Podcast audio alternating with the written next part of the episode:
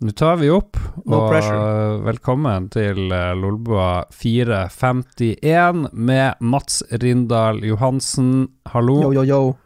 Og vi har med oss ingen ringere enn The Golden Child, Philip Maurizio Tarant Encitio Fløgstad. Hola, hallo, hallo, yo, yo, yo, jobbadubadubadu. Jabadu, hvor det går eh, med gutta boys. Nå er det en stund siden eh, Philip har vært med. Um, ser ut, har du malt veggene siden sist? Jeg kjenner ikke igjen veggene. Det ser ut som det skjer noe på det rommet. Ikke bare ser det ut som at veggene er sånn malt rart eller nytt. Eh, du har eh, den vante Friends-plakaten eh, bak deg, men så står det noe sånn lent inntil veggen der med noe grønt oppå. Det ser veldig midlertidig ut. Ja, det er kaktusen fra Final Fantasy 7 Ja, hva står det å lene seg på? mot et speil. Et speil som står på skeiva mot veggen. Ja. Du kan ikke ha et speil eh, til høyre når du kommer inn i et rom. Eh, Det må alltid være Da må det stå rett, i hvert fall. Da kan det ikke stå skeivt lent opp etter veggen. ja. Ja.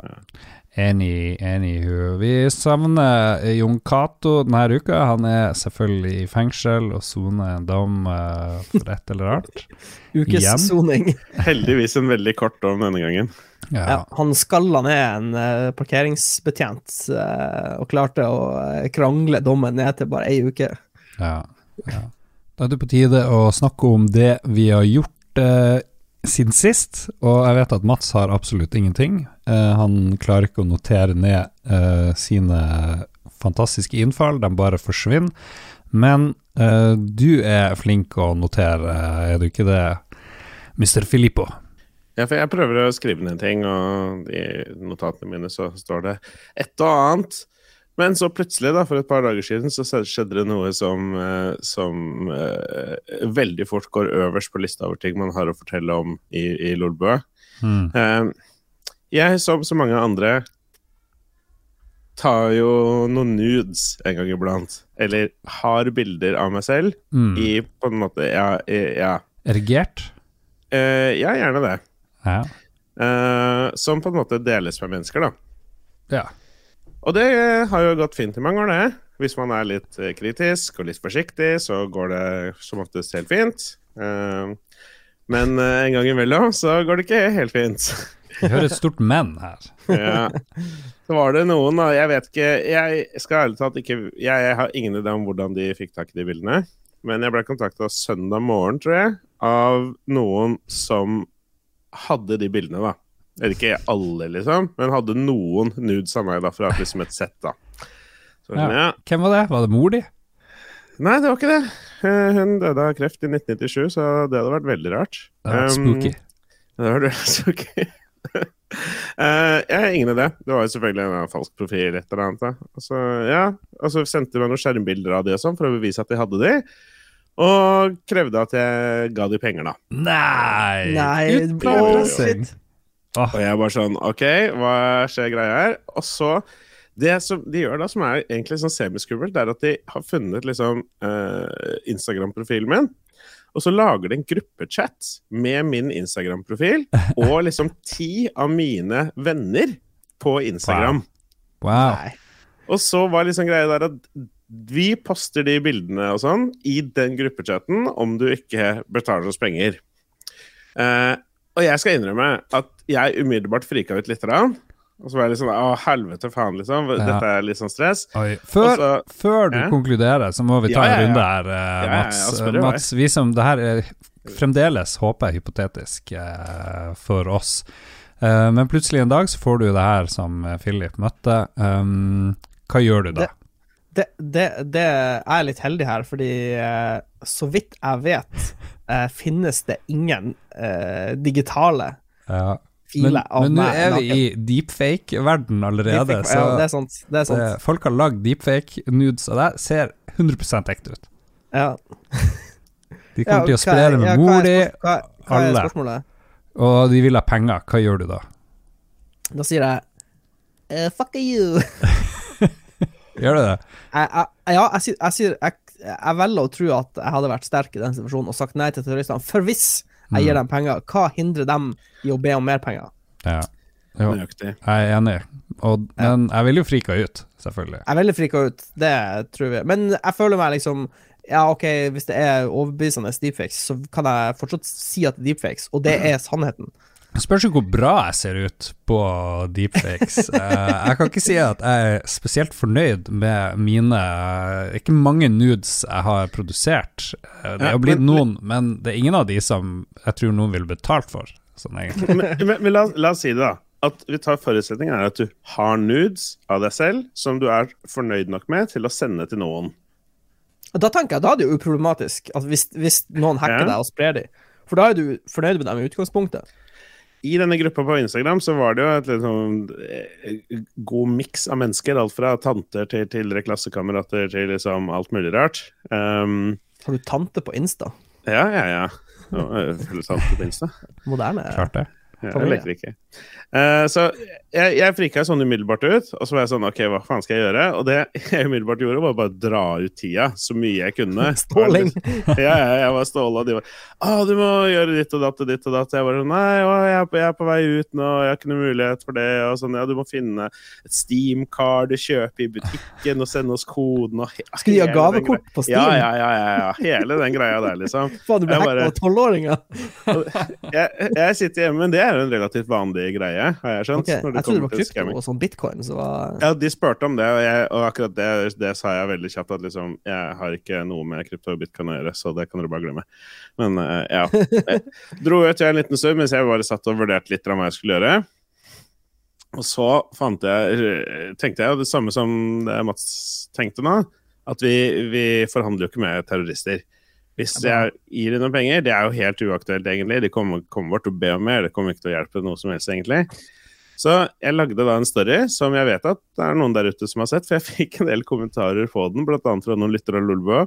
Um, eh, jeg la ut en story hvor jeg bare filma meg selv, og, og som egentlig bare sa at ja, nei, nå har det skjedd med meg. Nå er jeg blitt utsatt for, uh, for en type scam som tilsier at de har noen nudes av meg, som de kommer til å spre hvis jeg ikke betaler det. Jeg kommer selvfølgelig ikke til å betale det, så hvis denne profilen her kontakter deg og er keen på å sende deg noe, så kan du la være å se hvis du ikke er keen på å se det, liksom. Og så veit du hva det er hvis du er keen på å se det. Så lykke til. Ja, hva skjedde da du ikke betalte? Nei, De fortsatte å spamme meg med meldinger etter hvert som jeg bare ignorerte de. Og liksom var sånn, hva har du å holde på med og sånne ting. Og så så jeg at det i den der gruppechatten som de lagde, så sendte de inn noe medie. Nøyaktig hva det var, vet jeg ikke. For jeg har ikke giddet å bry meg om det. Jeg har ikke giddet å sjekke engang. Mm. Det er helt ute av, helt ut av verden nå. Spennende. Spennende. jeg tror, jeg tror du tok eh, rett valg der. Enn hvis det var Eh. nudes med deg Men- og noen andre, og den andre Du tenker de har du ikke lyst til at noen skal få se? Det kommer helt an på hva den andre personen tenker. Ve- Vet du hvilken sånn angrepsvektor de bruker, hvor de, to, hvor de fikk tak i det, liksom? Nei, det ingen idé. Det var et liksom lite fåtall bilder uh, slash video av et sett. Hmm. Spennende, spennende. Det her, eh, eh, blir jo en føljetong. Jeg tipper de kommer til å følge opp. De har hacka det enda mer. Eh, det, her, det her er bare begynnelsen, Philip, på et personlig Ja. helvete vi ikke har sett like Du kommer til å Du kommer basically til å være med i den spirituelle oppfølgeren til den Sandra Bullock-filmen. The Net fra er 19 pil og bue. Apropos Ja, nudes Nei da, ikke apropos nudes. Jeg har vært på uh, Frp-samling. Det var noe sånn Frp-greier, men det var groping, var det ikke det, under landsmøtet? Det var en eller annen Han som ble kasta opp på Ja. eh, Kasta ut av Oslo. det ut av partiet. ja, det var lederen i Oslo Frp. Mm. Så det var ikke tema. Men jeg møtte Sylvi Listhaug i går. Jeg tenkte det var litt morsomt. Det var litt morsomt. Jeg, har jo, jeg, jeg er jo ikke den som stemmer Frp, uh, men det fins mange hyggelige folk. Det finnes de eh, som gjør det. det fins de som gjør det, ganske mange som gjør det. Og det fins mange hyggelige folk som stemmer Frp, og som er med og er aktive politikere og sånt. Så er det et veldig avslappet forhold til politikere, uansett eh, hvilke partier de er fra. Men uh, Sylvi Listhaug har liksom alltid um, ikke vært liksom min favoritt. Jeg har tenkt at, eh, at eh, jeg, liksom, jeg har liksom ikke helt sansen for, for, for henne. Men etter å ha møtt henne in person, veldig sjarmerende kvinne. Eh, kun kos, god stemning eh, og all round eh, good times. Hun kom til Harstad med Per-Willy Amundsen, vår venn, den gamle justisministeren, og en person som vi har på lista over Amiga-entusiasten. Amiga-entusiast. Eh, lista over fremtidige Lolbua-gjester. Han skal være med en eller annen gang. Han har vært Um, med. Han ring, ring, hadde ikke du han på telefonen? Jo da, jeg ringte han. Ja da, jeg Ja, ringte han under sending. Eh, Så da, da kan vi jo stille litt sånn viktige spørsmål hvis vi må, ikke sant, om eh, jeg vet ikke, eh, et eller annet kontroversielt han holder på med. Men det er jo stort sett fordi eh, da Jon Cato var liten, eh, var før min tid, så drev han jo og svappa spill med, med Per-Willy og sånt, så det er jo litt, eh, det er jo litt gøy. Det er litt sånn artig hvordan du møter folk som du har et sånn inntrykk av, og så er de ganske forskjellige når de ikke står på TV, selvfølgelig. Det sier seg jo sjøl, da. Eh, Det høres Ja, de nesten ut som hun er en god politiker. Jeg er, ganske, jeg er ganske sikker på at de fleste personer og politikere, kjendiser, og hvis du møter dem i et rom og snakker med dem, så er, tror jeg 99,9% er egentlig veldig ålreite folk. Ja. Eh, Det er bare at de har et image som er bygd opp. Ja. Kommer jeg til å stemme Frp? Veldig tvilsomt. Jeg tror eh, absolutt ikke det. Jeg har stemt MDG eh, de siste årene. Det er vel uh, det, Frp er ikke helt på MDG-toget. Jeg syns det er litt type uh, hypercritical av deg å ha podkast sammen med Mats samtidig som du vil ta fra han jobben. Ja. Lars. Hvorfor er du venn med meg, Lars? Ja, hvorfor vil du at Mats skal dø, Lars? Jeg liker veldig godt pengene Mats hater du pumper opp. meg, Lars? Ja, Nei, la oss ikke gå for dypt inn i Nei, jeg, jeg, jeg, jeg, støtter, Miljøpartiet MDG. Jeg synes, eh, Det er viktig å ha eh, partier som representerer alle aspektene av samfunnet. Du kan ikke ha Mm. bare pengepartiet og kjøttpartiet. Da blir det ganske trasig ganske fort, tror jeg. ja. Du må, ha, er du må ha alle, du må ha balans. Vi måste ha balans! Er balanse. Er det noe dere lurer på om uh, Sylvi Listhaug, siden dere har meg Hvordan, her? uh, hva er favorittkonsollen til Sylvi Listhaug? Mm, jeg du veldig spil- stilte vel noen spillrelaterte Ja, jeg spørsmål? håper det, da. Jeg vet hva jeg, fe jeg, jeg svikta der. Da jeg møtte Spill- spill Erna sist, så fikk jeg jo til å gjøre en shout-out til Lolbua. Gjorde jeg ikke det? Jeg husker ikke helt. Jeg pro- Fikk du, fikk du lov til å se hvordan spiller hun det på telefonen sin? Er hun Candy Crush, eller er hun på uh, det er så- Snap?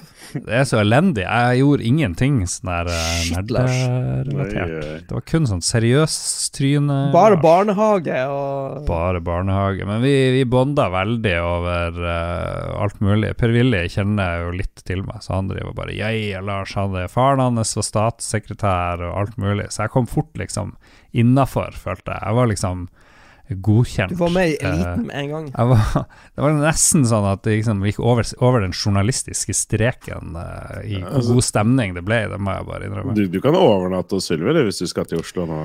Ja, ja, mannen hennes og de tre barna De kommer helt sikkert til å ta meg imot med åpne hender. Det, det er jeg ganske sikker på. Ja, ja. Nei, jeg har veldig lite interessant å si om Sylvi Listhaug, annet enn at jeg møtte henne, uh, som jo gir meg enorm kred i Lolbua. Jeg, jeg, vet, jeg vet ikke om du fikk eh, Jeg husker ikke den Erna-shoutouten, men det er bilde av deg og Erna hver gang noen subscriber på Twitch-kanalen til Lolbua. Da dukker det opp eh, det bildet. Det er fint. Ja, ja. All right, da eh, spiller vi musikk. Mats, hva du har uh, diska opp til oss her? Uh, vi skal høre Vi skal høre den nyeste remixen av Space Jam-sangen til uh, Mm. Til den ukjente artisten Maximilian. Maximilian. Vi er så heldige vi har Maximilian uh, med oss her. Philip, du, du channeler Maximilian Beats. Maximilian Beats. Vær så god, Philip. Improvisert rap, vær så god. Welcome to the Space Jam 2! Space Jam 2!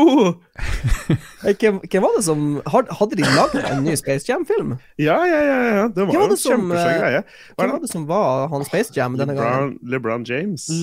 King James, ja. Sånn var det. Mm. Den, den, den bare forsvant i stillhet. Jeg hørte aldri noe mer om den filmen der. Ja, jeg, Det kan hende at vi ikke er like mye i målgruppe som det vi var for Space Jam 1 også, men jeg, jeg, jeg har også inntrykk av at den bare kom og ble borte. Space Jam 1 var en klassiker. Ja. Vi skal snakke om hva vi har spilt i det siste. Eh, Eh, Jeg kan uh, begynne. ok, Jesus. Eller, eller skal jeg ikke begynne? Skal, Nei, vær så han god. på veldig mange spill. Kanskje han Philip bunner, og så tar han et par, og så tar jeg en, og så tar han Philip. For han, Ja. du har jo Ja. Jeg har egentlig ikke tenkt å si så mye om hvert av spillene. Det er egentlig mest av det at eh, de har vært en del av samme Det- det- konsept. Det har vært, eh, det har vært eh, noe i livet ditt som har skjedd Mm. Nei, med disse spillene. Ja. Nå klarer ikke lytterne å vente lenger, de må jo få høre hva det er med en gang. Men Ja. de vet jo for allerede, for jeg har fire-fem ganger i uka så spør jeg både på Facebook og på Discord angående denne Telia Podcast All Stars, som nå har holdt på i hele mai. Eh, det er en greie som vi har gjort i samarbeid med, med Good Game og Telia, hvor vi har satt sammen et, eh, et stjernegalleri av noen podkastere eh, med oss. Og så Spilledåsen er med, Spillmatic er med, Muskelnerdene, og så Spellgutta, da, som vi kjenner eh, så godt. Eh, og det har vi gjort da i hele mai. Hver mandag i mai så har vi spilt et spill for første gang. Og så har vi spilt det i en turnering mot uh, lyttere og seere og streama all moroa på alle kanalene og sånne ting, da. Uh, og for min del så har det jo vært litt spesiell, unik utfordring, for jeg har faktisk ikke spilt noen av disse spillene før. Mens de fleste har liksom spilt noe Counter-Strike her, litt Overwatch der. Har du aldri spilt. Counter-Strike, Philip? Nei, jeg spilte en time eller to på, i tenårene, og så var jeg ikke noe god, og så lot jeg være. Og så ble det ikke noe mer. Nei. Og så avslutter vi da med Fortnite neste mandag. eh, Forhåpentligvis oh, uten bygging, i hvert fall. Altså, så vi kan bare løpe rundt og skyte på folk. Hva du har vært best i, vil du si? Kanskje eh, Eller jeg var jo helt ubrukelig i Brawlhalla og Rocket League, selvfølgelig. CSGO var jeg ikke Da var jeg kanskje et hakket mer effektiv. Men Overwatch kanskje, fordi Overwatch er jo et sånn type skytespill hvor det ikke bare handler om å sikte og skyte. Fordi å sikte og skyte er jeg ikke så god til, nemlig. Eh, så, men i Overwatch er det masse abilities og måter å, å spille rundt ting og sånn. Så Mye taktikk og strategi og det, ja, så det, det var ikke så verst. Hvem som var, hvem som var flinkest i Rocket League?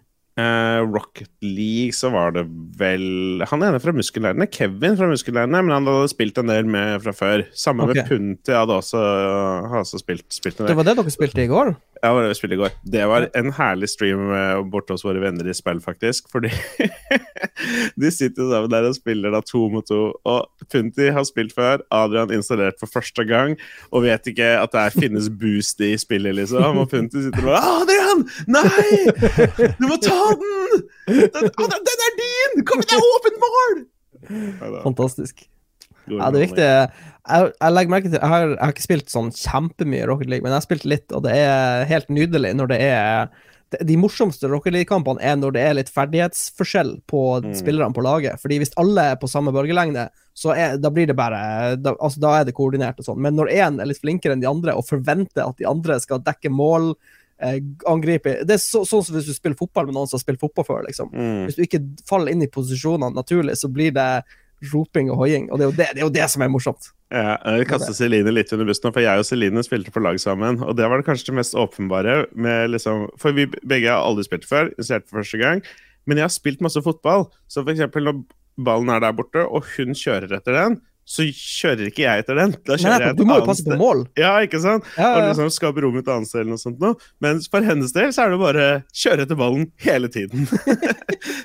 Det er sånn barneskolefotball hvor alle ja, ja, pit- som en etter ballen. pitbull. ja, ja, Boost-knappen inne. Leap Ja, ja. Men Nei, eh, Rocket League er faen meg et kult spill.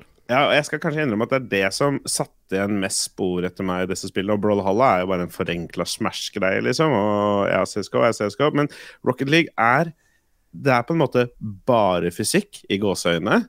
Men så er det sånn enormt skill sealing, virker Ja. det som. Som bare er sånn helt latterlig høyt. hadde, du hadde, du, hadde du ikke hatt boosten og den Mm. flyginga, så hadde det vært et helt annet spill. Men du introduserer liksom bokstavelig talt en ny dimensjon. eh, Det, det er galt, Mathias. Ja, de folka vi spilte mot, var jo kjempegode fra Rocket League-miljø og sånne ting. Folk som er dritflinke, og de gjør sånne ting som liksom bare hopper opp i taket, og så flyr de over hele banen mens de liksom stusser ballen på panseret, og så bare er lander de i målet ditt og gjør seg helt insane ting. Så nei, det var, det var fascinerende. Det var det. Hvem av podkasterne du har spilt med, er best sånn overall gamer, vil du si?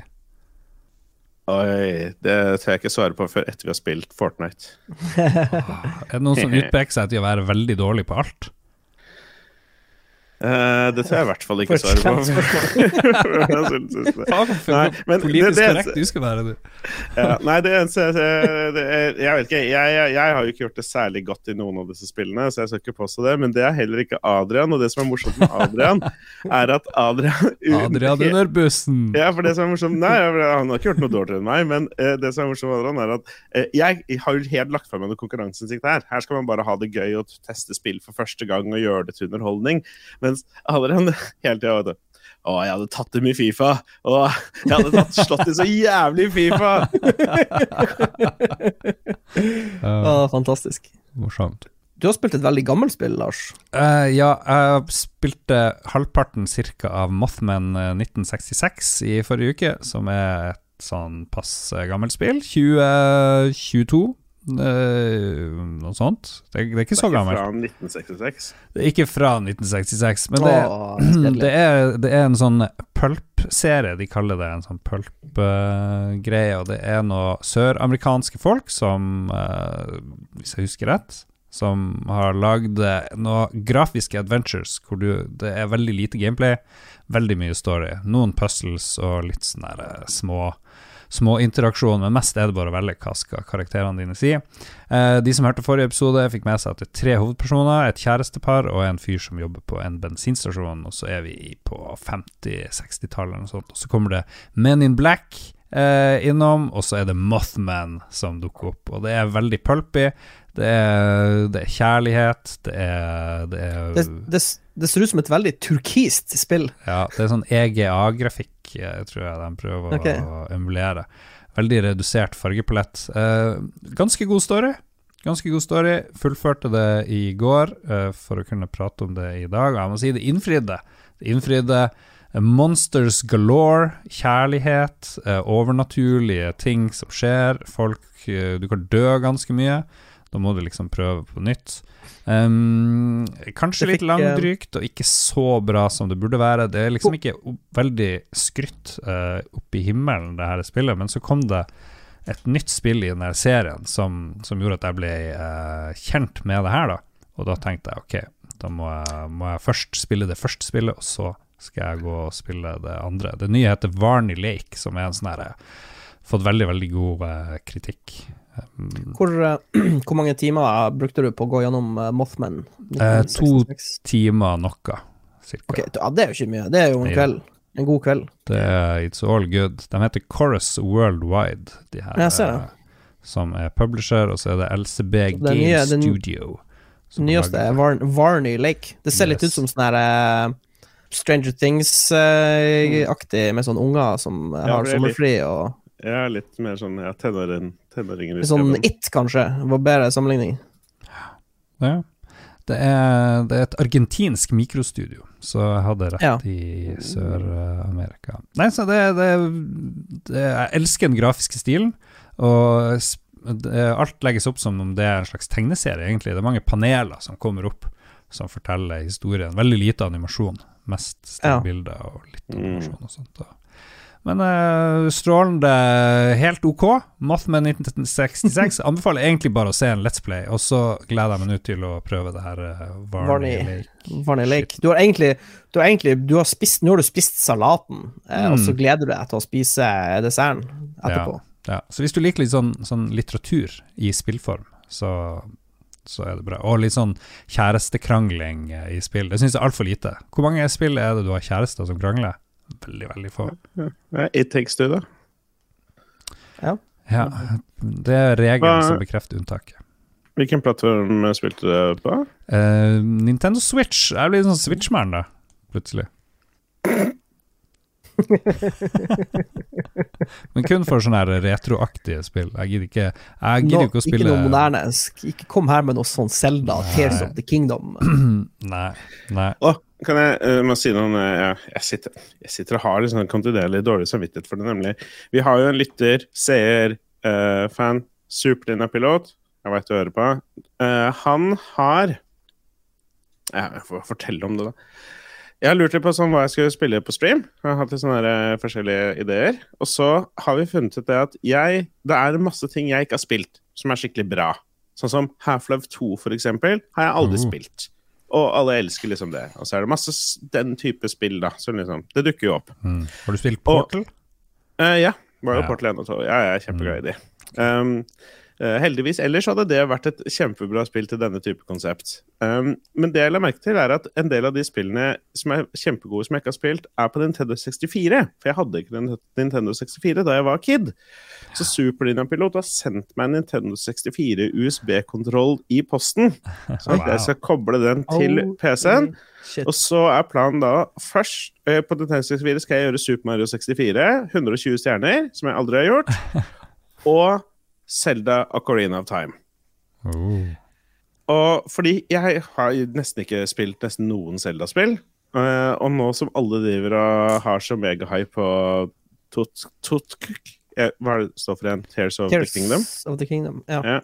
Så eh, det frister jo litt å spille Breath of the Wild, som jeg fortsatt har liggende på Switchen og ikke starta med. Ja, det, er ikke, det er ikke Altså, bare fordi det kommer til et nytt Zelda-spill, så har ikke de, an, de gamle gått ut på dato. Nei, og det Det er sånn jeg. Ja, det at jeg da får lyst til å spille nye Zelda-spillet, det tilsier at jeg burde spille det første som jeg allerede eier først, på en måte. Det, ja. det har ikke gått ut av dato ennå, det. Antageligvis. Men vi får se. Det kan hende det blir noe Ocarina of Time retro action på stream fremover. Det var en kvalitetsdigresjon, eh, Philip. Veldig bra digresjon. Eh, jeg har faktisk eh, nesten ikke spilt dataspill den siste måneden, men de, jeg fikk litt eh, ekstra tid her om dagen, så da satte jeg meg ned og så spilte jeg et spill som jeg egentlig kjøpte for lenge siden, som er sånn skikkelig Mats-spill. Det heter War Tales. Mm. Og det er et sånn åpen verden-RPG hvor du skal, du skal styre et kompani med leiesoldater, mer eller mindre. Det er en DLC, det er en mod til Ducktales, er det ikke det? Det er en veldig krigersk mod til Ducktales. Eh, hvis dere har hørt Jeg har snakka om Battle Brothers, så dette er på en måte et, et mer moderne spill enn Battle Brothers, for du har faktisk 3D-grafikk, eh, og så har de lagd et sånn turn-based system som ligner veldig på eh, Divinity, Eh, kanskje? Ja, Divinity er faktisk et ganske bra sammenligning, fordi eh, du har egentlig vel, Du har egentlig eh, Det er egentlig gridless, så du har eh, Du kan bevege deg i antall meter. Eh, Så Mm, hvis du har movement 10, så kan du gå 10 meter, og så kan du gjøre en action. Hvis du har 11 i movement, så kan du gå 11 meter, osv. Og, så og så Mm. blir du tregere med rustning. Eh, Men det som er litt morsomt med Wartales, eh, som, som jeg, jeg egentlig ikke liker, men jeg, det er et kult konsept, da, er at vanligvis i sånne her spill så er det ei, ei veldig fast grense på hvor mange soldater du kan ha i kompaniet ditt. Kanskje sånn som i XCOM, du kan ikke ha mer enn fem-seks soldater. Det er liksom maks. Eh, Men her så kan du bare peise på. Du kan ha dritmange karer. Eh, og da blir jo slagene veldig eh, kaotiske veldig fort. Så det, det er jo det som jeg ikke liker, egentlig. Jeg har egentlig lyst å bare ha seks dudes som jeg styrer, liksom. Men uh, det er jo kult at man har muligheten til å, til å ha mer. Men så er det bare Du må bare gjøre Altså, det er en story så Det virker som hver region har en, en story du kan progresse. Så den første området du starter i, så er det noen flyktninger som er på tur inn i eh, regionen fordi det har skjedd en eh, konflikt i hjemlandet deres. Så driver de og prøver å komme seg til trygghet, og så kan du på en måte velge hvilken side du vil ta. Om du vil ta sida til flyktningen, eller ta sida til de som ikke liker flyktningen. uh, og så er det bare Er det Frp? Ja, Frp-partiet? og- Det er Frp. Nå som du og Sylvi har blitt så gode venner. ja, kasta under bussen. Men uh, det er ganske fritt uh, spill. eh, Du kan uh, du, du tar, Det er sånn du, du drar fra by til by, og så er det sånn tavle med oppdrag hvor du kan velge og vrake. Og, og så må du sjøl finne ut hvor du vil ta soldatene dine, hvilken retning du vil ta dem. Men det er, det er utrolig mye å holde styr på, fordi ikke bare har du klasser på hver individuell soldat, hvor du må fordele ut poeng når de går opp i level, men du har også sånn eh, Hver soldat har en profesjon i tillegg, så du kan ha en kokk, du kan Mm. ha en eh, smed, du kan ha en fisker, du kan ha en tyv, du kan ha en sånn tinkerer. Så det, det blir så sinnssykt mye stæsj, det blir så mye ting å holde styr på. Så det, det ble litt mye for meg, men uh, jeg tror hvis du liker sånn eh, så er dette eh, drømmespillet. For det er så mye ting du kan justere og tweake på, at det er helt vilt. Uh, ja. Men uh, jeg, bare, jeg har ikke spilt gjennom en kampanje nå, så forbehold om at det suger på slutten. Men uh, foreløpig det Foreløpig virker det som et veldig solid spill. For det jeg husker, er at dette spillet hadde en uh, demo på Steam uh, for noen sånn halvannet-to år siden. Og da var det veldig uferdig. Så jeg tenkte sånn wow, dette spillet virker ganske røft. Men nå, når det var kommet i 1.0, og jeg kjøpte det og testa det, så har det egentlig skjedd sinnssykt mye på den korte tida. Så jeg tror de utviklerne her er ganske ja, de, de tuller ikke, for å si det sånn. Hvor mye syns du spillet minner om uh, Cannon Fodder på Amiga? Det er ikke ulikt uh, Cannon Fodder, bortsett fra at det er turn-based. Det er turn-based medieval Cannon Fodder. jeg sitter og ser på noen bilder, og det ser jeg ser Det er veldig kult. Det er ja. veldig kult, fordi greia er at jeg har spilt en del Battle Brothers, og så har jeg tenkt sånn Faen, hvorfor finnes ikke Battle Brothers med XCOM-grafikk? Eh, og dette, dette er det spillet, på en måte. Og du må ikke spille med et kompani med 30 soldater. Du, du klarer absolutt klare deg med ti karer, liksom. Så eh, jeg, skal, jeg, skal, fortsette å, å, sette mine egne grenser og se hvor langt det, hvor bra det går. Mm. War has never been so much fun. Og da går vi yes. til musikk igjen, og hva vi skal gjøre nå, Mats? Uh, nei, nå skal vi faktisk høre en, uh, en drum and bass-remix av Cannon Fodder-teamet. Oh, nice. Uh, vær så god, Philip. Dumpo-bom-bom. Det var både drum og bass. Veldig bra. Veldig bra. Lav snipp. Lav IQ. Lolbua, vær så god. Forsto du eh, hvorfor jeg eh, lo når du sa at det var switches her, Lars? Nei. Det er en sånn BDSM-greie. Oh, jeg, var ikke helt sikker. Når det er, ja, fordi når det er i BDSM så er du enten dominant, eller så er du subdominant. -hmm. Men når du liker å være begge deler, ah. noen kvelder det ene og noen kvelder det andre, så er du en switch. Ah, jo, men jeg, jeg, tror Lars er en liten sånn switch. Han kan, eh, ja. han eh, gli inn i alle mulige roller. Ja, fleksibel fyr. Ja, jeg liker både å bli slått og slå, så det funker helt fint. Så lenge noen blir slått, så er han Lars. ja, samme der. Yeah. Jeg, vet du hva, Mats, vi glemte? Du har jo korona, for guds skyld. Ja, har, ja, jeg har hatt runde to med korona. Det glemte jeg helt. Ja. Oi, oi, oi. Folk driver og Landet driver og går i sømmene og revnes uh, av korona, og alle bare later som ingenting. Hvor ille var det? Fortell om ditt koronaforløp. Det var, det var egentlig veldig likt den første gangen jeg hadde korona. For det var, det var eh, et halvt døgn med feber, uh, hvor jeg var helt ute av det. Uh, og knaska mye i Ibux og Paracet. Og så, når feberen var borte, så var egentlig formen øyeblikkelig tilbake på sånn 90% Så da var det egentlig bare litt sånn snørr og snufs. Og så gikk det helt fint. Så ca. ett døgn hvor jeg var ubrukelig, og helt greit ellers. Mm. Ja, så uh, jeg syns egentlig korona bare er stor vits, hele greia. Oppskrytt.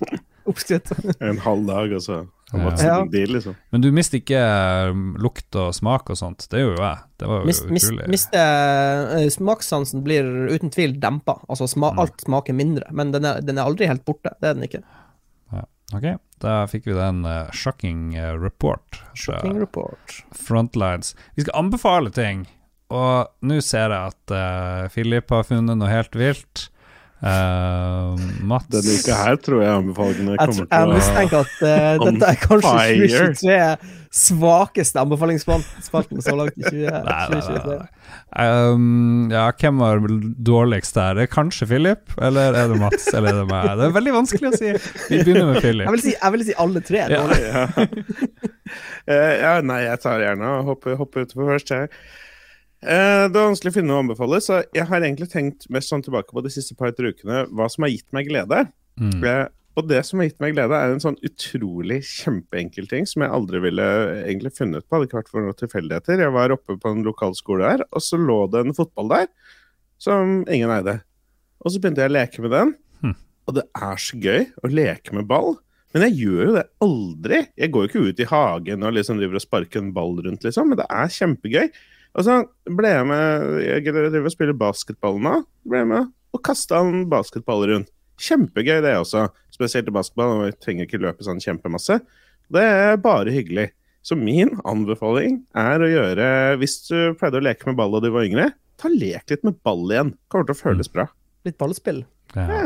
Jeg Trenger ikke, trenger ikke ha liksom 11 mot 11 og løpe masse og sånne ting, men liksom bare sparke en ball på en vegg eller noe.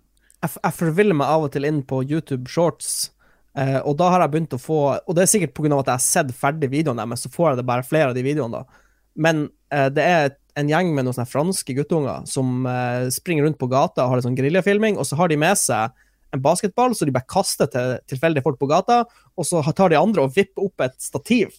Og så står de der med basketballkorg og stativ, og så er det en fremmed person som bare får basketballen i hendene, og så må de selvfølgelig prøve å score da. Og så er det sånn, får de sånn terningkast på, basert på hvor grovt de bommer, eller om de treffer, og så er det sånn 20 sekund, 20 sekunders videoer. Men uh, stor moro. Mm. ja. Uskyldig moro. Um, hva, er, hva er deres favorittballspill å utøve sjøl? Jeg er jo Jeg prøvd å få det grønnkort, som det het før. Jeg tror jeg vet ikke om det fins lenger. I golf. Golf Er det et ballspill? Ja. Er ikke det et køll, køllespill? ja, det er som å si at sex er et ballspill. Det er ikke det, det er køllespill. Det er en ball. Det må jo være en ballspill. En ball der. En liten ball, da.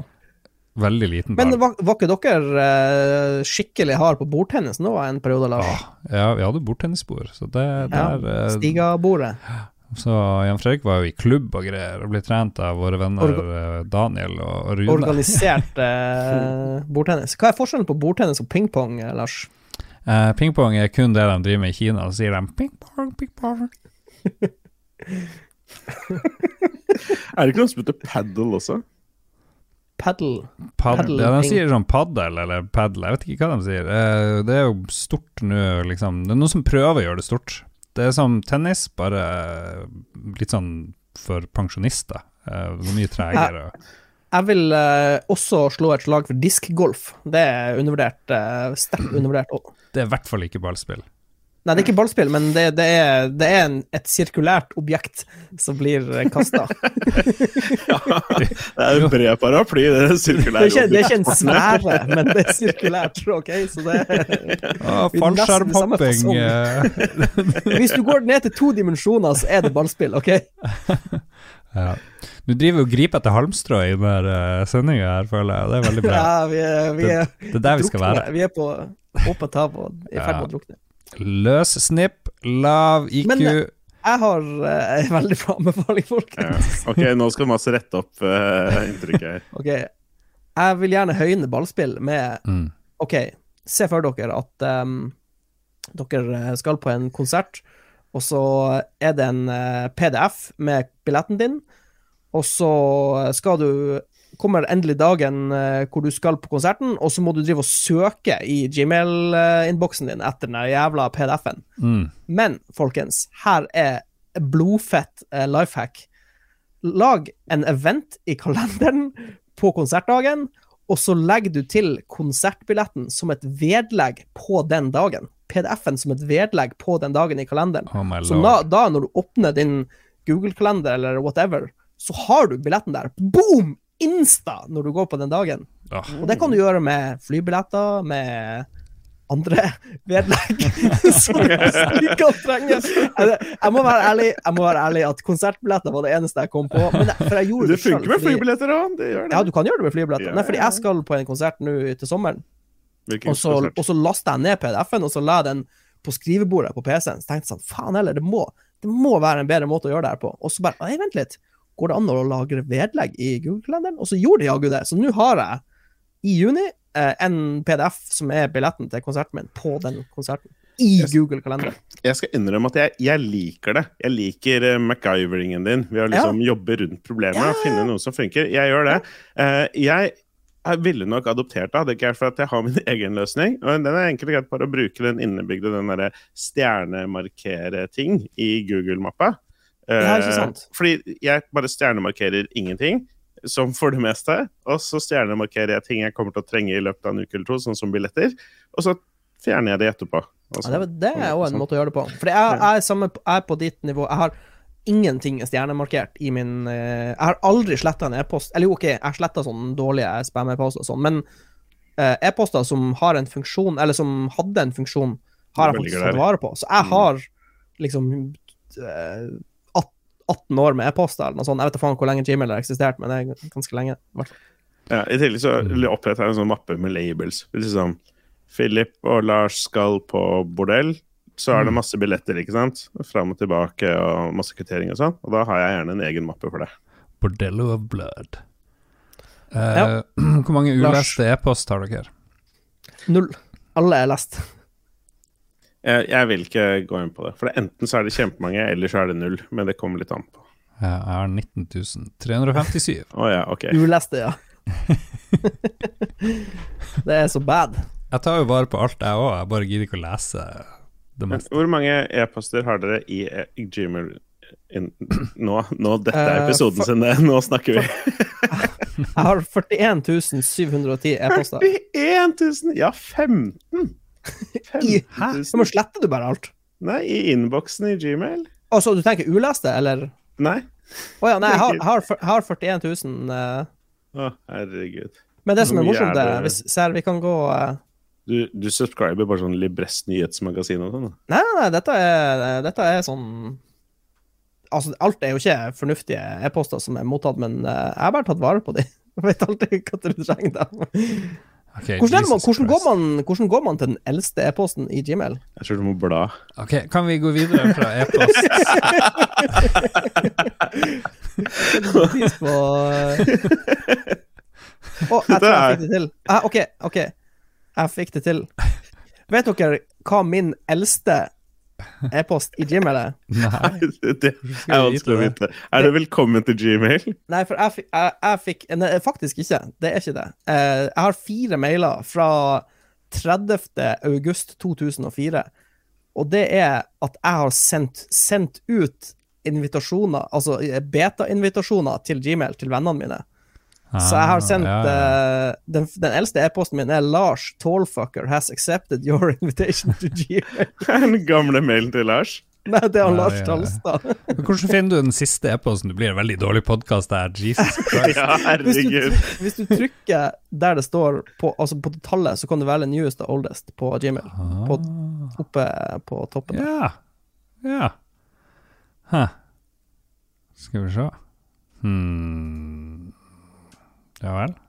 Maria Serafia Fjelstad er liksom første e-posten jeg setter til, tydeligvis. Hvem er det, Lars? Fortell. Ja, hva? Ja. Hva, hva skjer her? Det har ikke vi hørt noe om. Nei, det, var, det har noe med broderen å gjøre, så jeg vet da faen hva som skjer. Hæ. Nei, mystisk. Mystisk, mystisk. Ja, det må jeg si når jeg treffer henne. Ja, 2004 jeg begynte å komme med Gmail i bruk, i hvert fall. Hvilken dato var den første din? Eh, tre- 30. august 2004. Jeg er i 19. august. Fy faen. Å gud, ok, beklager, nå har vi mista alle lytterne. Ja, nå er det, nå er det over. Eh, jeg skal har vi anbefale noe. Lars sin anbefaling ja. til de lytterne som er igjen. Oh boy. og de Oh boy. har noe godt å vente. Eh, jeg skal anbefale Jeg kan fortelle mm, eh, min, eh, min kjæreste har satt opp en eh, Et stativ for, eh, for hengekøye. Og den har jeg ikke prøvd. Det står ute på verandaen. Og så, men så ligger det et reinskinn oppi der, og så var det veldig fint vær i går. Uh, og så ble det funnet frem en sovepose, så jeg la meg nedi der for å få liksom litt ro i sjela. Og det var helt perfekt. Det var helt uh, sinnssykt deilig å ligge i en sånn uh, Ikke verdens største hengekøye, ikke sånn her eh, Ikke sånn her av netting og sånn her som du har i Syden, men sånn turhengekøye. Og så må du legge deg på den der rette måten. Du må liksom ligge ikke som en banan, men med beina liksom ut på den ene sida av hengekøya og hodet ut på den andre for å være litt stabil, eh, fikk jeg instruksjon om. Og så bare zippa jeg opp soveposen og lå der, og det var helt, eh, helt sinnssykt bra. Og det litt weirde var at uh, jeg drev og vugga frem og tilbake kontinuerlig. Så jeg tror jeg har funnet opp en evighetsmaskin samtidig, for jeg følte ikke at jeg du, jeg tror du får litt sånn eh, pendel i, når du ligger i hengekøye, nesten uansett. Bare for hver minste bevegelse gjør at du begynner å vugge Mm. litt. det- Men det er jo derfor det er så lett å sovne i hengekøye, for du blir jo bokstavelig talt vugga i søvn. Men kan du kan du feste på et batteri eller en dynamo som, som skaper energi hver gang du vugger frem og tilbake, for da har du free power. Always. Unlimited power. Du vet at hvis du eh, fester en dynamo til ei tredemølle, så kan du lage strøm, Lars? Ja, det burde vi jo gjøre. Men eh, Ja. jeg, jeg foreslår eh, Matrix 5, eller hva farsken det blir. Der er det bare at i stedet for at de skal liksom ta body heat, eller hva de, de alienene eller AI-en gjør med menneskene, Ja. eh, eller er det hjernekraften de bruker, jeg vet ikke, men i stedet så putter de alle i hengekøye som ligger og vugger og skaper energi til AI-en. ja. For meg så er det noe veldig fremmed med å kombinere hengekøye og sovepose. Det er veldig fremmed for meg. Jeg tror jeg aldri har sovet i en hengekøye, og alle gangene jeg bruker hengekøye, så er det jo så varmt at du ligger der. ja, dette er mer hvis du, eh, hvis du skal eh, campe eh, ute på natta, liksom. Og så, så må du Ja, det kan bli kaldt, så da er det greit med sovepose. Mm. Da er det musikk på nytt, Mats. Hva skal vi høre? Eh, Nå skal vi høre en Beatles-sang. Mm. Vær så god, Philip. She loves you, yeah, yeah, yeah. She loves you, yeah, yeah, yeah, yeah.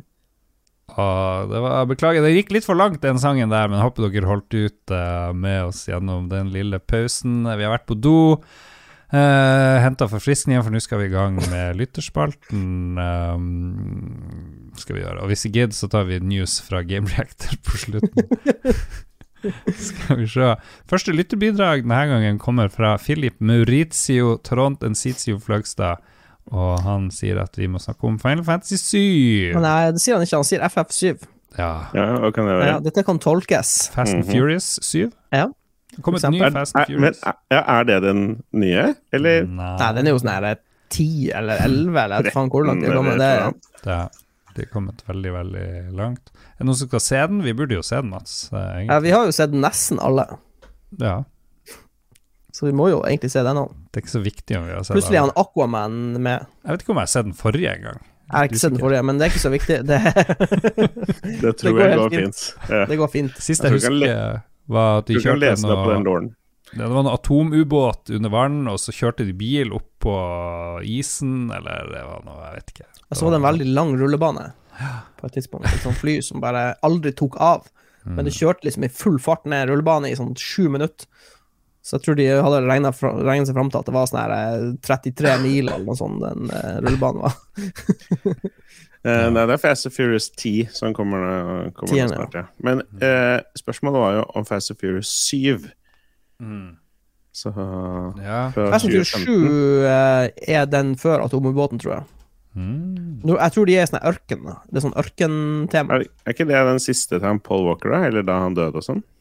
ja. Jo, det var kanskje da han var død, på en måte. Eller at han døde etter de hadde spilt inn. Ja, noe sånt da. Den syva var ikke så dårlig, tror jeg. Syns den var Det var da de var i sånn her Dubai og sånn. Gud vet hvor de er. Who Hvor de knows? ikke var. Who knows? Ja, vi fikk Furious det. 7. Um, vil noen ta en Frode? Ja. Han Frode kommer med et sånn lite utsagn. Han sier bare vaniljesaus og wienerbrød. Hype eller kostholdsfasit? Og så sier Philip Maurizio Taranten Sitio Fløgstad kombinert. Eh, han svarer ja, jeg tenker sommerkroppen, ernæring, fasade, hele pakka. Må høre svaret fra internetts mest ivrige influensere. Ja, og siden du er liksom the body her, eh, Philip, hva du tenker om vaniljesaus og wienerbrød? To ting som er digg, er ofte digg sammen. Det er verdt å forsøke. Mm, Ja, jeg Jeg prøver høres- alt minst én gang. Det Høres bra ut. Mm. Uh, jeg vil bare si at um, vaniljesaus fungerer med mye.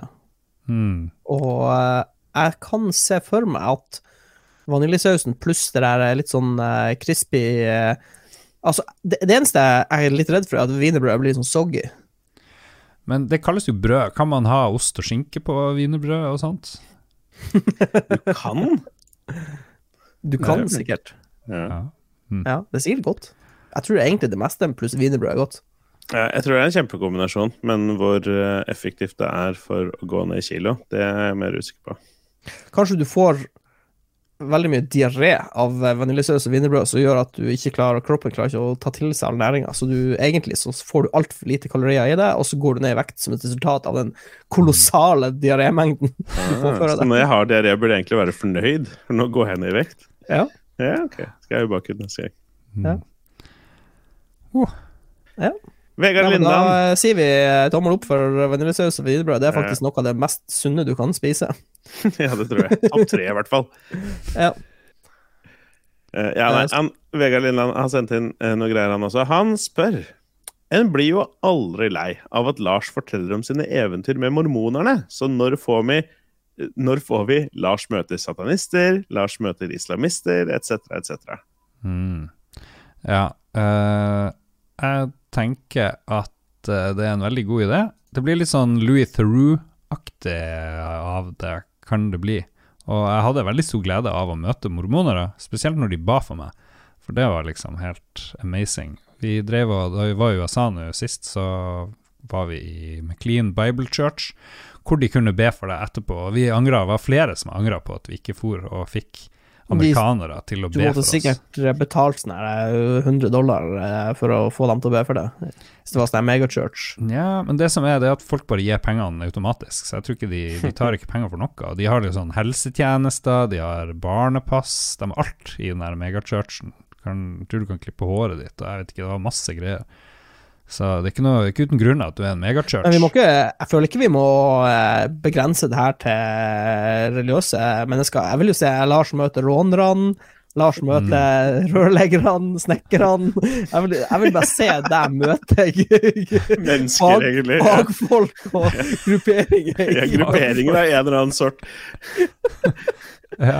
At Lars møter et rom med rørleggere. Det er sånn ti rørleggere. Og så ja. Så man sitter der så bare sånn Ja, nei, ja. Dere er rørleggere, ja. fag? Snakke litt fag, snakke litt om eh, snacks. Hva er favorittsnacksen? Ja. Ja, det, Ja. det, eh, litt digresjon. På 17. mai så var jeg på en frokost hvor det skjedde noe veldig merkelig. Det var to mennesker som jobba med elektronikk der, som ikke kjente hverandre fra før. Og så ble det plutselig en veldig merkelig samtale hvor jeg satt og hørte på, hvor det var bare en sånn penismålekonkurranse mellom disse to. Oh, nei. Bare om hvor mye volt de jobba med i strøm oh, på jobben. Det er sånn Å, sterk, sterk strøm! Jobber du med svak strøm? Jeg jobber med Ja. sterk strøm! Sier det hun som jobba med togelektronikk, eh, vant. Oh. Ja, men plutselig så er det en fyr som jobber med sånn her atomkraftverk eller noe sånt. Ja, ikke sant. Har du vært på noe skytteraktivitet? Har du deltatt i konkurranse i det siste, Mats? For det bruker å være Eh, ik- update. Ikke så mye konkurranser, men vi har hatt veldig mye kurs. Vi har Ja, hatt to godkjenningskurs. Så nå nå er fa- faktisk jeg Jeg var hjelpeinstruktør på det ene kurset, og så hadde jeg utsjekk, så nå er jeg faktisk eh, godkjent og sertifisert eh, skytte, skytteinstruktør. Eller sky Nice. shooting instructor, som Nå det blir det eh, Lolbua skytehelg. Oh yes. Kan- Nå kan jeg instruere, nå kan jeg forklare, peke og forklare, jeg kan lære alle. Med, Jeg kan med gjøre alt dere om fra, til shooting prodigies, folkens. Fra alt, eh, alt fra bazooka til, eh, til Walter PPK. Ja, tanks, artilleri, ah, Brettert. flykanoner Faktisk eh, de mest avanserte rakettsystemene eh, kan jeg selvfølgelig også instruere dere opp i. Null, null problem, folkens. Dette, dette får vi til. I don't believe you, men ok. Vi, Mats har fått login på sånne satellittsystemer. Ja, eh, Han, vi, eh, vi, må, vi må eh, fortsette her i, i Mm. spalten. Han eh, Kristoffer eh, Getboys Hansen han eh, sier at eksamenstid eh, nå for kidsa i grunnskolen, som Udir klarte å fucke opp ganske greit på mandag eh, hvordan, hvordan hadde vi det når vi fremdeles hadde eksamener? Nervøs, likegyldig sint, og hvilke resultater er vi mest stolt over? Veldig kjapt, Hva som skjedde med den eksamensgreia? Jeg så at det ble Eh, sånn Det var eh, problemer med pålogging på den kandidatdelen av eh, UDIR sitt eksamenssystem. Så de, de, de hadde liksom sjekka det, jeg tror, jeg tror de sjekka det sånn 0800, alt fungerte. Og så kom eh, elevene og skulle begynne å logge seg på, og så ble det noe sånn hiccup. Og så var det bare en ultrakrise, fordi de klarte ikke å komme seg på. Så, så jeg tror jeg tror sånn to timer etterpå, i sånn titida, da var alt eh, i orden igjen. Men da var jo skaden gjort. Tenk, tenk deg at du møter opp på eksamen. Den første eksamen du skal ha pga. korona osv., og, så og så er dette eh, Første møtet ditt med eksamensformen. Det, Men var det i Altså- grunnskolen, var det ikke videregående? For jeg tror ikke de har eksamen i grunnskolen. Nei, det var, dette var videregående elever, ja. De skulle ha en norsk eksamen eller et eller annet. Ja. Ja. Men hvordan var dere? Hvordan var du, Mats, eh, på eksamen da du hadde sånt?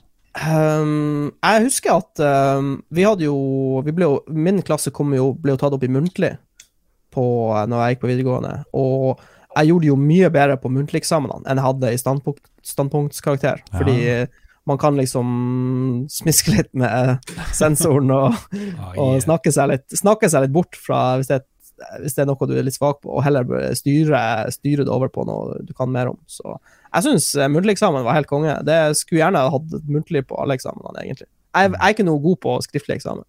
Spesielt ikke sånn den, den type skriftlig eksamen vi hadde, så måtte vi jo skrive med penn og papir absolutt alt, eh, tegne og forklare, liksom. Jeg husker, jeg liker bare ikke å skrive ned eh, tankene mine på, på med- blyant eller penn. Okay. Jeg liker bare å snakke. Jeg er ganske lik som Mats, egentlig. Jeg kunne gå opp i muntlig eksamen i hva som helst, og så gikk det liksom greit. Men eh, skriftlig der Jeg vet ikke, jeg har ikke helt tålmodighet. Trenger mer tid til å liksom bare Ja, jeg vet ikke. Ja. Jeg strøk, jeg strøk, faktisk på en matteeksamen i tredje klasse. For jeg, tok, jeg vet ikke hvorfor jeg tok matte i, i, på videregående. Jeg var ikke så Ja. god i det engang. Så jeg, jeg strøyk i, i tre MY. Uh, men så tok jeg engelsk som privatist, uh, og det fikk jeg eh, beste karakteren i. Så det, ja, Mm. det var eh, Engelsk var lettere enn matte.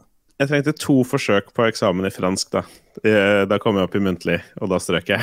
og så kom jeg opp i muntlig, eh, måtte jeg gjøre det en gang til. Fransk muntlig, den, er, den, den svir litt. Oh, ja, det var liksom for, det, det, det som er problemet. Du kan jo ikke snakke deg rundt ting da, liksom. For da liksom eh, Skjemapell, Philip. Ja, det ble litt sånn. Store marerittet var å komme opp Je i m'appelle tysk. Philippe, Ja. Oui. je suis uh.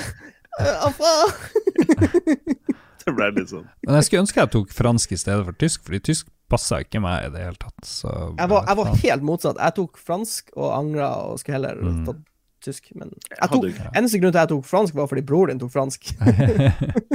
ja. Jeg bare joina han som en follower.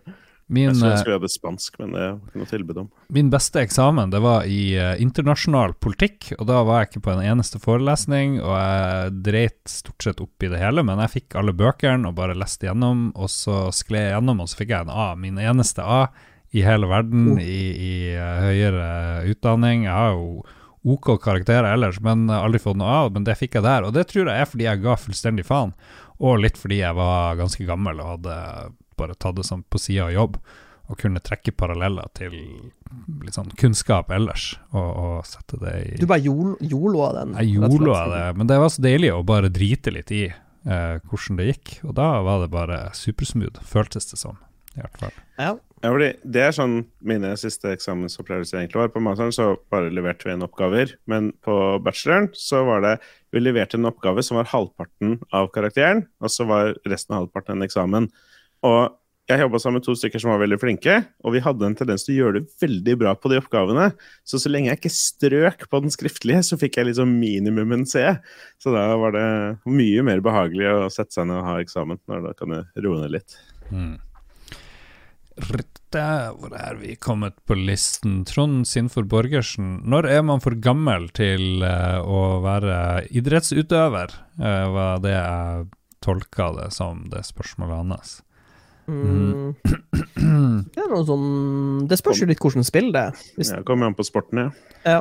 Hvis det er Men jeg, samtidig, det man ser at Fordi jeg husker mm, Jeg husker når eh, Når e-sport var veldig nytt konsept, du hadde liksom Counter-Strike og Quake og sånn, så husker jeg alle sa at å, du kan ikke være eh, kompetitiv i, skytespill eh, når du har passert 25, liksom, for du har så dårlig reaksjonstid og sånn. Men det du, det du ser nå, eh, er at det, det har så lite å si, det der eh, ene millisekundet du kanskje mister når du bikker 30, at uh, jeg tror du kan holde på ganske lenge, egentlig, hvis, hvis du bare orker.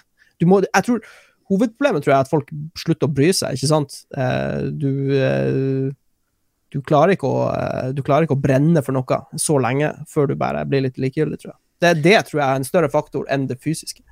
Og så er det jo litt snakk om nivå, holdt jeg på å si. Jeg tror Make der feil, Trond spiller i noe sånn Telia Liga-greier, sånn noe PubG eller noe sånt. Da.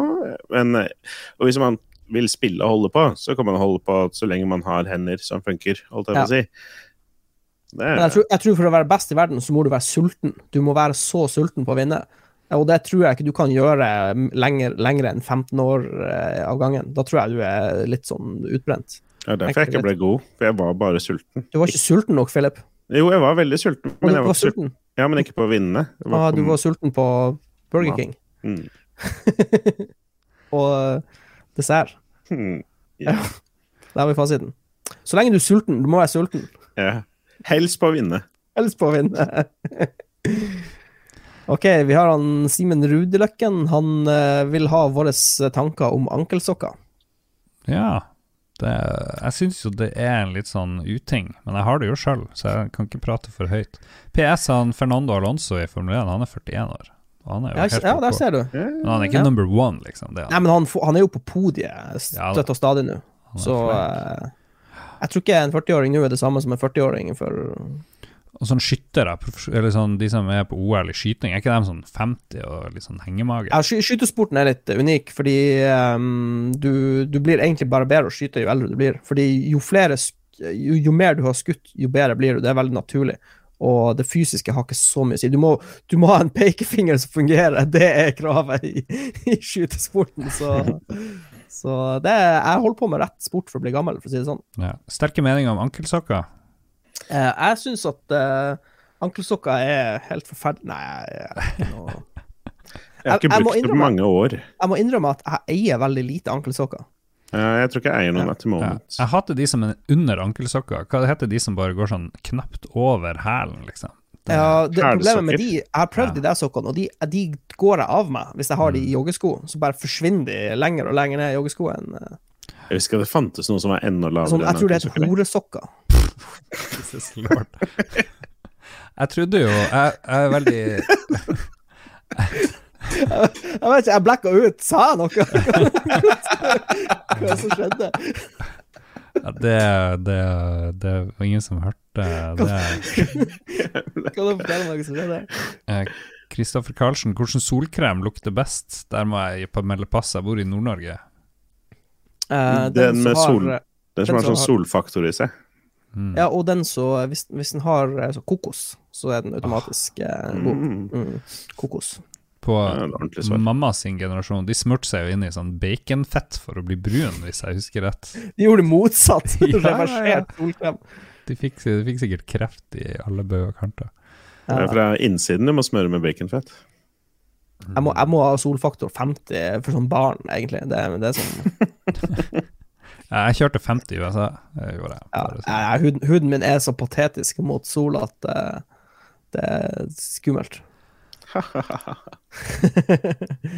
Vi har han eh, faktisk eh, Han Ståle. Ståle Balvinsson her, folkens. Eh, nettsikkerhet Å ja, nå skjønner jeg. Nettsikkerhet og totrinnssikkerhet. Tror vi har en i redaksjonen som hadde satt mer pris på det enn Final Fantasy 7. Jeg tror jeg, tror jeg vet hvem han uh, sikter til her. Mm. Ja, men Men, det, men det, vel- det jeg må innrømme, jeg er litt nervøs på dine vegne, Philip, hvis du ikke vet eh, hvor, hvor, eh, hvor du ble angrepet fra. Det kan jo skje på nytt igjen. Hva du skal gjøre for å Ja, fordi det, ja, throwback til det da. Jeg er ganske sikker på at det er ikke jeg personlig som har blitt angrepet. For hvis de hadde fått tilgang til min telefon eller mine Ja, kontor, så hadde det vært mer eh, de hadde hatt tilgang til. Jeg skjønner. Det, det virker som det er eventuelt noen andre, f.eks. Hvis de hadde hacka telefonen til Lars, hadde de sett de spesifikke nudesene jeg sendte til Lars, Ja, sant. Så det er noe ja. sånt. Jeg hacka, ja. Det, Det, det, du, Philip, du må lage et sånt system. Så for eksempel eh, hvis, hvis du tar eh, nudes og sender han Lars, så har du en sånn herre en sånn eh, Excel-skit. ja, sånn, nei, du har en sånn banan En banan hengende på hylla i bakgrunnen. Så ser du at OK, å, en nude på avveie med bananer i bakgrunnen! Det er Lars! Ja, Fuck, Lars igjen!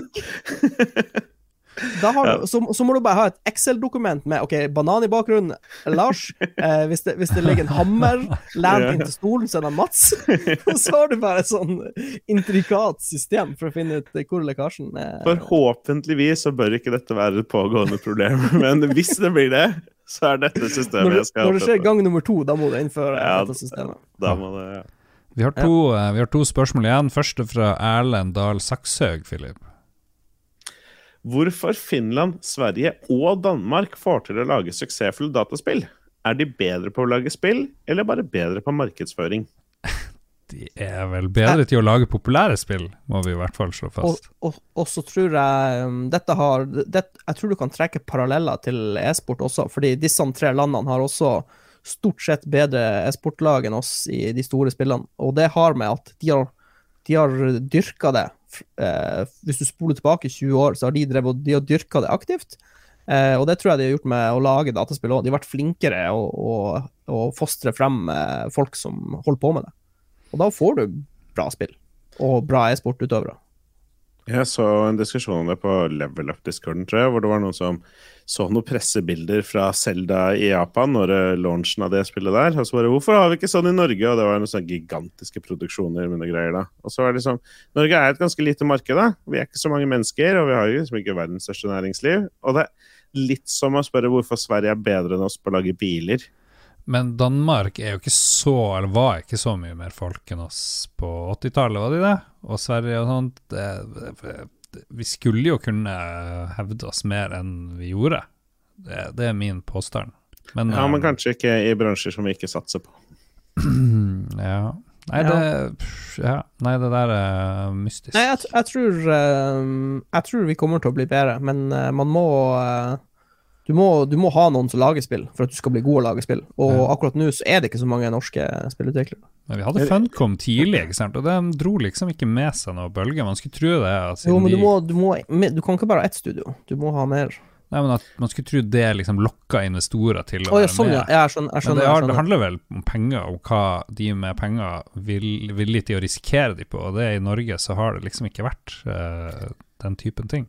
Ja, nå er veldig passelig at Yokato ikke er her til å svare på alt dette her, da. Men jeg, Ja, han, Uncato har jo fasiten. Ja, Han, han har, det er dyrt! Det er dyrt! Det er for dyrt i Norge! men, men, jeg, skal, men jeg, jeg er litt nysgjerrig på sånn hvor Hvor den grensa går hen. Fordi det er jo eh, Vi har jo en del spillutviklere i Norge, men de lager jo mindre De har jo mindre produksjoner. Og er det fordi de, liksom, det er der den kunstneriske visjonen er, eller er det hva? fordi de ikke har råd til Ja, å ansette vi- flere folk? Vi er mer kunstneriske i Norge. Mhm. Mer individuell eh, i Norge. Der har du det. Pluss mangel på penger. Fasit Ja, Fasit. fra Philip. Til slutt, eh, Mats. Håkon. Ja, vi har han eh, Puntis eh, himself. eh, han vil at vi skal stacke ranke følgende. Podkast Allstar-turneringer. Bade i Borat-truse. Nei, vent litt, nå, nå gjør jeg det feil. Vi, vi må uh, Ta, skal- ta Vi må begynne med Vi må begynne med to ting. Hva er best Ja. av podkast Allstar-turneringer og bade i Borat-truse? Ah, mm. Jeg har aldri bada i Borat-truse, så jeg tror det er en grunn til det. Så mm. den går nok nederst. Er vi enige om podkast Allstar-turneringer? Eh, Øverst. men, liksom, hva er, er, er kriteriene? Hvis det er morsomst, da er det jo å bade i boratruse som er morsomst. Det er det jo. Ja, hvis ja, du er det vil gjøre det, så Er det det? Ja, det er jo det. Men er det noen andre som gjør det, eller må du gjøre det sjøl? Hvis noen for- andre gjør det, så er det morsomt. Jeg går for boratruse som vinner av de, så dere må avgjøre. Ja, nei, Hvis det er så morsomt, så hadde du gjort det, tenker jeg. Og det Ja. er nok ikke noe jeg vurderer å gjøre. Nei, Så- jeg må si jeg er enig med Philip. Eh, Jeg tror okay. podkast Allstar-turneringer er over bade i boratruse, for det er ganske klent og flaut, okay. egentlig. Og Ok, Så, Marvel Cinematic Universe, da. øyeblikkelig inn på førsteplass. Ja. Ja. Det, det er ganske, det er ganske solid. Men det har det, blitt det, ganske gitt, det har gitt trasig i meg det mye siste, er det ikke det? Jo, eh, det var, ja, jeg har en sånn ja. Jo, men jeg må, vi, vi må tenke på reisen, ikke sant? Ja. Med Infinity War part 1 og 2 og første Iron Man-filmen. Altså, det har vært en cinematisk reise. Den har gitt oss mye highs and lows. Vi har, eh, vi har fått han eh, Robert Downey jr., Renaissance. Mhm. Vi har eh, han, han Thanos og Nei, altså, det, det, det er mye drit, ja, men det er også veldig mye bra. Derfor må Ja. vi Jeg skal prøve å bare uh, rante om det så kort som mulig, men det, i, fase fire er ræva. Ja, helt nesten- enig. Ja, Helt enig. Helt er forferdelig sånn, dårlig. Loki-serien var kul og sånne ting, men altså, liksom, det, det er noen av de tingene som har positive ting ved seg. Men jevnt over så har alt som har kommet ut i fase fire, vært dårlig. Men fase én til tre var Så dritbra. Ja, ja, ja. Med Infinity War part 2. Ja, ja, hele part røde tråden mange start til slutt. Og, ja, ja, nei, det var utrolig, utrolig bra. Og tilfeldigvis så satte jeg på Quantumania på Disney Pluss når jeg satt og spiste her i stad. Eh, og det er jo en kul Marvel-film, liksom. Men da, det som var kult med Antman, var jo at han gjorde seg liten og kunne snakke med ants og sånn. Og her, dette er bare en sånn sci-fi-film med Antman, liksom. Det var liksom Men da, folkens, da er spørsmålet her Er Tubegalore bedre enn Marvel Cinematic Universe? Men har vi nå har vi Marvel, Marvel øverst, Marvel fordi Cinematic dere Universe det. Ja, vi har Marvel Cinematic Universe øverst, og så har vi pod, Podcast Allstar-turneringer, og så har vi Badet i Boratruse nederst, og så kommer Tubegalore flygende inn der. Mm. Hvor jeg, jeg mener at Tubegalore skal mellom Altså Marvel Cinematic Universe overst, og så kommer Tubegalore inn på nummer to. Ja, fordi jeg ville heller levd i en verden uten Tube Galore enn i en verden uten Marvel Cinematic Universe. Ja. Altså, vi må ha Marvel. Vi må ha MCU. Dere Ja, er så på det. bølgelengde. Det er bare jeg som vil fucke opp eh, denne lista. Jeg setter at øverst, selvfølgelig, av alt. Vi, la, vi lager notat i at han Lars vil ha det øverst. Ja, det noteres i protokollen. Dissens. Uh, all right, det var hele lytterspalten. Og jeg tror vi driter i Game uh, Reactor News, faktisk. Ja, Vi det- tar, vi tar det igjen til neste uke. I neste uke blir det juicy nyheter. Ja. Eh, nå må jeg være ærlig og si at det har kommet inn, eh, kommet inn tre til som dere ikke har, eh, ikke har sett. Uh, Vegard Melenia, dæven hvor dere gleder dere til ny dungeon på Destiny 2 på fredag. Just saying. Gleder du deg, Lars? Ah, Gleder du deg, Mats? Ja. Kommer det noe nytt til Destiny? Jeg vet ikke. Han snakker Ja, om en ny dungeon. ja uh, Season of the Deep uh, kommer, og det, det er undervannsaction i Destiny. Så du kan, endelig kan du svømme med haiene og hvalen og late som du er med i en uh, Kutulu-film. Eh, Vegard Fassum spør altså, om å diskutere våre flaueste opplevelser fra gr grottebadet. Er det noen lokalgreier? ja. Ja, det er en sånn Harstad-referanse. Ingen flaue opplevelser der. Bare gode, uh, fine Ja. opplevelser. Bortsett fra når jeg svelger masse vann eh, når jeg skal svømme. Bæsjvannet. Ja, ja, ja. Det kommunale bæsjvannet.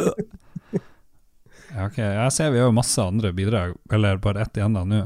Carl Thomas Aarum. Nye Selda har gjort Amibos aktuell igjen hjemme, og ungene syns det er magisk når vi bryter den fjerde veggen. Og en fysisk leke de holder i handa, gjør at de kan hjelpe Link inn i spillet. Ble såkalte Toys to Life-spill drept for tidlig, eller er det like greit å bli kvitt hele driten? Spør på vegne av mine syv barn, spør, Carl Thomas. Um, jeg vil bare si at jeg er veldig glad i han Carl Thomas. Han er en fin mann. Enig. Uh, men jeg har ikke en sånn kjempesterk mening om akkurat det Jeg, jeg tenker, jeg tenker hvis, hvis det gir et barn st uh, stor glede, så er det verdt det. Ba, Mm. Bare det at et barn kan bli eh, få en følelse av magi i hverdagen, så er det verdt det. Så bare vil- pung ut fra Mibos eh, kjipe foreldre. Kjøp, kjøp, kjøp, kjøp. Ja, Jeg tenker at det er denne type funksjon som er fint at bare ligger der, så kan man overse det hvis man vil, men så har man noen kids, og da kan man leke med noe Mibos særlig liksom gøy. Men så, sånn der Mario Kart-banen du måtte lage i stua og sånt, det virka litt særere. Det tror jeg ikke var så mye. Litt, litt sånn asterisk, eh, så lenge ikke Amiiboen koster for mye penger. For jeg vet, jeg vet ikke hva en Amiibo koster. Jeg håper det er sånn 39 kroner. Hva, hva tror du? Eh, 59 kroner. Lars, hva tror du en Amiibo koster? Uh, 300. 300 fra Kjell Company, i hvert fall. Selda en Loftwing Amiibo. Ok, da, da er jeg litt tilbake på kjøl, kjøligheten igjen. For det, skal, det må ikke være for dyrt, Fordi da utelukker du masse for, foreldre som ikke har råd til å kjøpe fettdyre ting. Varierer litt, da. Fra 200 til 300. Uff da. Ja, da er jeg litt, uh, eh, koster 400. litt for er dyrt. sikkert dritbra. Wow. litt for dyrt. Det var episode 451. Vi må takke våre patrions, alle som støtter oss økonomisk, og alle de som bare hører på fordi de syns det av en eller annen grunn er, er fint. Og så ekstra stor takk, som alltid, til våre produsenter som betaler altfor mye hver måned for at vi skal kunne forsyne Dag Thomas med musematte og lignende. Tastatur. Tastatur. 80% av Patron-budsjettet er musematte til uh, Ja, Dag Thomas. det er det. Ja, man må bare ha musematte. Sånn er det. Mm, ja, det. Og, og vi skal skal nå få høre eh, Philip synge navnene til produsentene, mens eh, til og musikk Mats har valgt. Hvilken musikk er det vi hører nå? Nei, eh, nå er det Evanescence med Bring Me To Life. Da må du synge den under, da. Oh, Ja, Hvordan går den igjen? Bring me back! Dette er sånn Duke Jarlsberg! Sang. Tommelund! Gøran Helge Nilsen! Jeg er glad vi ikke har flere produsenter. Veldig bra, Philip. Save me! Terningkast. Det er veldig bra. Tusen takk, alle sammen. Vi er Husk- tilbake neste uke. Ja, Men først hva skal, vi, hva skal vi huske, Philip? Å komme på Tilcast på lørdag, hvis dere ikke allerede har, uh, har planlagt det. Tilt lørdag klokka ett begynner vel første podkastshow. Det er bare å gjøre dere klar for dagsfylla. Mm, mm, mm. Nå er det- Og ettermiddagsfylla, og kveldsfylla, og nattfylla. Oh, shit, boys. Tusen takk. Ha det Tusen bra. Ciao! Har du et enkeltpersonforetak eller en liten bedrift? Da er du sikkert lei av å høre meg snakke om hvor enkelt det er med kvitteringer og bilag i fiken, så vi eh, gir oss her, vi. Fordi vi liker enkelt. Fiken superenkelt regnskap.